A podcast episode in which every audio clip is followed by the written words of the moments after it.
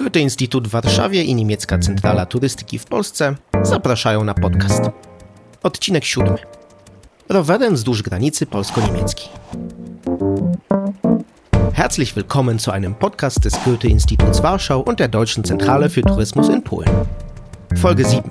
Mit dem Fahrrad die deutsch-polnische Grenzregion erkunden. Das ist ein Podcast des Goethe-Instituts Warschau und der Deutschen Zentrale für Tourismus in Polen. Mein Name ist Marcin Antosiewicz und mein Gast ist Szymon Nitka, Radfahrer, Skifahrer, Autor des beliebten Reiseblogs Znajkraj.pl. Guten Tag. Hallo, guten Tag. Der Sport, den Sie mit Leidenschaft betreiben, heißt Adventure Travel. Auf Deutsch würde man wohl Abenteuerreisen sagen. Wieso das Fahrrad? Wieso Reisen und ein solches Lebenskonzept? Noch aus der Schule. Ich war in einer Landeskunde AG, wo mein Abenteuer mit dem Tourismus begann. Mit der Zeit wurde das Fahrrad zum praktischsten Mittel zur Besichtigung und Bereisung der Welt. Es lässt mich nicht nur die Welt sehen, sondern gibt mir auch die Möglichkeit, mich zu bewegen, an der frischen Luft aktiv zu sein. Wann haben Sie Ihr erstes Fahrrad bekommen? Erinnern Sie sich? Ich glaube, das war in der Hälfte der Grundschule, also im Alter von etwa zwölf Jahren. Und seitdem reisen Sie mit dem Fahrrad durch die Welt. Sie sagen, dass ein Fahrrad ein Werkzeug zum Erkunden ist, nicht nur zur reinen Fortbewegung. Gab es später noch andere Episoden, etwa Auto oder Flugzeug? Haben Sie Ihr Fahrrad eine Zeit lang zugunsten dieser anderen Verkehrsmittel aufgegeben oder sind Sie seit der Schulzeit immer dem Zweirad treu geblieben? Ich kann mir nicht vorstellen, mein Fahrrad aufzugeben, denn alle anderen Verkehrsmittel geben einem nicht so einen Kontakt mit der Welt, mit der Natur. Mit dem Fahrrad unterwegs zu sein bedeutet, Kontakt mit der Welt zu haben. Man sieht sie, riecht sie, grüßt die Menschen, an denen man vorbeikommt. Wenn man aber mit dem Auto, Bus, Zug oder Flugzeug unterwegs ist, ist man immer durch ein Fenster von der Welt getrennt. Das stimmt. Hier gibt es zum Glück keine Scheiben, obwohl es manchmal bei schlechten Bedingungen schwierig sein kann. Haben Sie auch schon mal Schreckensmomente aufgrund von schlechten Wetterbedingungen erlebt? Das kam vor, obwohl es keine besonders abschreckenden Episoden waren. In Deutschland sind wir zum Beispiel ein paar Tage lang gegen den Wind gefahren, was wirklich hart war. Aber sehr schwierige Situationen haben wir nicht erlebt. Gleich kommen wir auf Ihre Touren zu sprechen. Nicht alle, nur die interessantesten, denn sonst wären es zu viele. Haben Sie schon einmal ausgerechnet, wie viele Kilometer Sie bisher zurückgelegt haben? Und mit welcher Durchschnittsgeschwindigkeit fahren Sie? Mehr als 20 Stundenkilometer? Das durchschnittliche Tempo von Tourenradlern beträgt 18, 20 Kilometer pro Stunde. Das ermöglicht eine recht effiziente Fortbewegung, aber zugleich ist es kein sportliches Tempo. Das ist ein typisches Tourentempo, das auch dem Vergnügen förderlich ist, denn ich sage immer, dass eine Reise auch Spaß machen muss. Ja, natürlich. Wie viele Kilometer sind Sie denn gefahren? Haben Sie das jemals berechnet? Um die Wahrheit zu sagen, ich achte nicht auf Kilometerzahlen. Für mich ist es wichtiger, etwas Interessantes zu sehen, eine spannende Geschichte zu erfahren, neugierig zu sein, meinen eigenen Reisehorizont zu erweitern. Auf den Kilometerzähler schaue ich zu allerletzt. Bei solchen Reisen lege ich mehrere tausend Kilometer im Jahr zurück. Ich weiß nicht, ob das viel oder wenig ist. Sie leben jetzt vom Reisen, richtig? Und vom Blog Snaikrei.pl. Wie kam es dazu, dass das Ihr Hauptberuf wurde? Das kann man so sagen, denn eigentlich ist das Schreiben über Reisen, das Geben von Anregungen und die Förderung des Radtourismus meine Hauptbeschäftigung. Wie es dazu gekommen ist? Es war ein bisschen Glück im Unglück. Bevor ich zum Radfahren kam, hatte ich eine Firma, für die ich mich so engagierte, dass ich mich nach einigen Jahren sehr intensiver Arbeit ausgebrannt fühlte. Zurück zum Fahrrad zu kommen war für mich eine Art Rettung. Wieder konnte ich etwas tun, was mir Spaß macht, und zugleich hatte ich die Möglichkeit, meine beruflichen Fähigkeiten einzusetzen, indem ich über meine Reisen schrieb oder berichtete. Also Radfahren und Reisen als Therapie, Neuanfang. Genau. Zwar hatte ich mir meine berufliche Laufbahn nicht so vorgestellt, aber zweifelsohne ist sie sehr angenehm und in hohem Maße befriedigend. In welcher Branche haben Sie denn gearbeitet? Internetmarketing, also Webdesign. Ich beschäftigte mich auch mit Positionierung, Werbekampagnen im Internet. Im Grunde mit allem, was mit der Präsenz eines Unternehmens im Internet zu tun hat. Also viel Sitzen vor dem Computer, am Schreibtisch. Leider ja. Aber das Fahrrad bietet Ihnen ganz andere Möglichkeiten. Sie beschreiben in Ihrem Blog die besten Radwege in Polen, Deutschland und Europa. In jeder Kategorie gibt es elf davon. Welche ist die beste deutsch-polnische Route? Welche können Sie empfehlen? Wege, die mit Polen und Deutschland verbunden sind oder deutsche Wege, auf denen sich ein Pole wohlfühlen wird, gibt es einige. Am nächsten liegen drei davon. Der Oder-Neiße-Radweg, der entlang der ganzen Grenze auf deutscher Seite verläuft, der Ostsee-Radweg, der von Świnoujście in Polen nach Lübeck in Deutschland führt und ein deutsch-polnischer Radweg in Anführungszeichen, nämlich der Elbe-Radweg, der durch Sachsen und Dresden verläuft, also auf den Spuren einer ehemaligen gemeinsamen deutsch-polnischen Geschichte. Dresden, die Perle des Barocks, wie man in Deutschland sagt. Vielleicht schauen wir uns mal den Oder-Neiße-Radweg an. Für wen ist er gemacht? Wer kann auf dieser Tour etwas für sich entdecken? Das ist ein eigenartiger Weg. Die einen mag er ehrlich gesagt langweilen, die anderen begeistert er. Man findet dort nicht so viele landeskundliche Attraktionen wie Museen oder alte Kirchen. Er führt vor allem durch eine Naturlandschaft. 600 Kilometer Fahrt auf ausgesprochen guten Radwegen, die größtenteils unmittelbaren Kontakt zur Natur bieten. Auf einem solchen Weg werden sich Leute am besten fühlen, denen es weniger darum geht, die Welt zu sehen, als einen guten, freundlichen Hintergrund zur Integration zu haben, mit der Familie, Partnern oder Freunden. Also Leute, die ganz einfach nach guten Bedingungen für eine angenehme Erholung auf dem Drahtesel suchen. Also ein bisschen eine Flucht vor der Hektik der Stadt.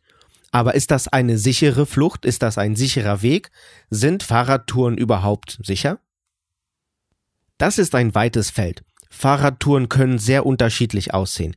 Es gibt Menschen, die in den Sattel steigen und ein paar Monate lang die ganze Welt bereisen. Sie suchen nicht besonders sichere Straßen, sondern sie fahren dort, wo es sie hinführt. Was also der Weg bringt. Was einem ein solches Unterwegssein bringt, so ist es. Aber Fahrradtouristik kann auch sehr sicher sein, etwas ganz anderes. So ist etwa der Oder-Neiße-Radweg, eine Strecke, die zum allergrößten Teil über präparierte Radwege führt, wo nur wir mit unserem Reisegefährten und Fahrrädern sind. Es gibt keine Autos. Und das ist diese Gefahr, um die es vor allem Eltern mit Kindern geht. Wenn es entlang dieser Strecke also keine Museen gibt und kaum große Sehenswürdigkeiten, dann nehme ich an, dass dort viel Natur ist. Wie würden Sie die beschreiben? Was gibt es zu sehen am Oder-Neiße-Radweg? Die Landschaft dort ist spezifisch. Mir scheint, dass sie ihren Reichtum eigentlich den geopolitischen Umständen verdankt. Vor Jahrzehnten, als die Grenzen streng geschützt wurden, herrschte in ihrer Umgebung weniger Verkehr, es gab weniger Siedlungen, weniger Leute, denn sie wussten, dass in der Nähe ein Grenzsoldat steht, der ihnen den Aufenthalt in diesem Gebiet abspenstig machen will. Diesen Umstand haben sich vor allem Tiere zunutze gemacht. Deshalb kann man auf dem Gebiet des Oder-Neiße-Radwegs zum Beispiel Wölfen begegnen. Wölfen, auf der Strecke auch. Ja, auf dem sächsischen Abschnitt des Oder-Neiße-Radwegs habe ich sie auf dem Feld stehen sehen. Ich wusste noch nicht, dass das Wölfe sind. Ich sah ganz einfach zwei Figuren, die sich bewegten. Zuerst hielt ich sie für Hunde, aber beim Näherkommen merkte ich, dass das tatsächlich zwei Wölfe waren. Der eine größer, der andere kleiner. Vielleicht ein Rüde und eine Fee. Oder ein älteres Tier mit einem Jungen.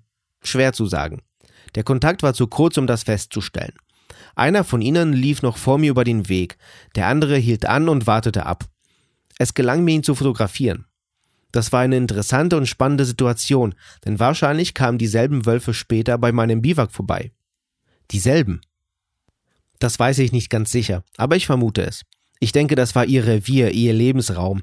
Etwa einen Kilometer oder anderthalb weiter schlug ich mein Zelt auf. Da leuchteten zwei Paare gelblich-orangener Augen auf, die mich anstarrten. Ich stand ein paar Minuten da, leuchtete mit der Taschenlampe und sah diese Augen nebeneinander. Man konnte sehen, dass ein Tier seinen Kopf neigt, spät, möglicherweise meinen Geruch wittert. Hatten Sie keine Angst?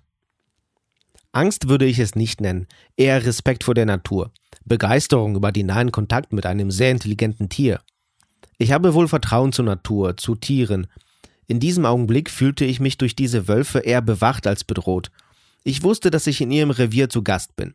Ich wusste, dass Wölfe neugierig sind und nachschauen wollten, was dieser Mensch hier macht, warum er sein Zelt auf ihrer Waldlichtung aufstellt. Eigentlich führte ich mit ihnen ein inneres Zwiegespräch. Ein fantastischer Augenblick. Shimon Nitka und seine Begegnung mit den Wölfen. Gut, dass es so ausgegangen ist. Und der Berliner Mauerweg. Was können Sie uns darüber erzählen? Sie haben auch diese Strecke gemacht, auf den Spuren der Geschichte. Die Berliner Mauer fiel bekanntlich im November 1989 und dieses Ereignis eröffnete ein neues Kapitel in den deutsch-polnischen Beziehungen. Was finden wir an dieser Strecke? Nur Geschichte, Politik Oder kann man dort etwas entdecken, was wir aus polnischer Sicht vielleicht gar nicht erwartet hätten? Schwer zu sagen. Es geht wohl vor allem um das Verspüren der Atmosphäre, die wir leider sehr gut auch aus unserer Wirklichkeit Ende des letzten Jahrhunderts kennen. Aber der Berliner Mauerweg ist nicht nur ein Radweg, sondern auch ein Wanderweg und daher ein hervorragendes Beispiel für die Einzigartigkeit, die man einer Touristenstrecke verleihen kann. Was mich daran am meisten begeistert, ist die Tatsache, dass jemand auf die Idee gekommen ist, einen außergewöhnlichen, einzigartigen historischen Hintergrund zu integrieren. Es gibt keine andere Stadt, die über viele Jahre unter solchen Umständen funktioniert hat wie Berlin bzw. Westberlin. Jemand hat es geschafft, diesen einzigartigen Hintergrund mit dem Radfahren zu verbinden, wodurch ein einzigartiges touristisches Projekt entstanden ist, das Radeln an der frischen Luft mit dem Kennenlernen der Welt verbindet. Für mich ist das die perfekte Kombination, denn so sehe ich den Radtourismus immer. Das Fahrrad soll helfen, gesünder und fitter zu werden und gleichzeitig die Welt zu erkunden. Ein Mittel zur Besichtigung der Welt eben. In diesem Jahr begehen wir den 30. Jahrestag des deutsch-polnischen Nachbarschaftsvertrags. Wenn Sie die Möglichkeit hätten, einen eigenen Radweg der guten Nachbarschaft zu entwickeln, wie sähe der aus? Jetzt ist ein fantastischer Augenblick für die Schaffung einer solchen Strecke. Seit Jahren baut die Woiwodschaft Westpommern neue Radwege, nach dem Vorbild der besten europäischen Radwege, darunter auch derer in Deutschland. Ein wichtiges Element dieser Strecken in Westpommern wird die gerade renovierte Brücke in Siekierki sein, genauer gesagt zwischen dem polnischen Siekierki und dem deutschen Neurüttnitz. Die polnische Seite wird noch im Mai renoviert werden, im Herbst folgt dann die Brandenburger Seite. Die alte Brücke, die einst in den Zeiten des Warschauer Pakts dem Militärtransport diente, wird jetzt zu einem Fußgänger- und Fahrradübergang, der Deutschland und Polen verbindet und dem Tourismus dienen wird. Wenn ich mir eine Strecke vorstellen soll, die über diese Brücke verlaufen könnte, dann wäre es eine Reise von Stettin über die neuen Radwege in Westpommern, genannt Blue Velo, sowie den Radwegen der westlichen Seenplatten nach Berlin. Ein solcher Weg würde die neuen freundschaftlichen Beziehungen zwischen Deutschland und Polen unterstreichen. Ja, absolut. Deutschland steht vielleicht an erster Stelle weltweit, was den Besitz eines so engmaschigen Radwegnetzes angeht. Wenn Sie die Einstellung zu Radfahrern in Deutschland und Polen vergleichen, wie fällt da das Ergebnis aus? Ich glaube, der Fahrradtourismus in Deutschland ist weltweit führend. Tatsächlich ist die Zahl der Annehmlichkeiten, die den Radwanderern zur Verfügung stehen, enorm. Die Zahl der Streckenkilometer, Tausende in jedem Bundesland, wird in anderen Ländern bei weitem nicht erreicht. Wenn ich den Fahrradtourismus in Deutschland und Polen vergleichen soll, dann scheint mir der Hauptunterschied die geringere Sicherheit auf den öffentlichen Straßen in Polen zu sein, was leider eine Folge der geringeren Rücksichtnahme der polnischen Autofahrer auf die Radfahrer ist. Man kann sagen, dass das eine Frage ist, die noch weitere Aspekte hat. In Polen nehmen wir manchmal weniger Rücksicht, haben weniger Respekt füreinander. Die westlichen Länder scheinen das irgendwie schneller gelernt zu haben. Wird sich das mit der Zeit auch in Polen zum Besseren wandeln? Das ist eine schwierige Frage. Manchmal habe ich den Eindruck, dass ja, dass es Leute gibt, die sehr gut die Entwicklung der europäischen Werte und Ideale verstehen und versuchen in diese Richtung zu gehen. Manchmal habe ich auch den unangenehmen Eindruck, dass es sich sogar verschlechtert. Wir hören von immer häufigeren Unfällen mit Radfahrern, die im Krankenhaus oder tragisch enden. Schwer zu sagen. Vielleicht haben die Deutschen auch deshalb so viele Radwege, weil sie sagen, das Fahrrad ist der beste Fettkiller. Können Sie das bestätigen?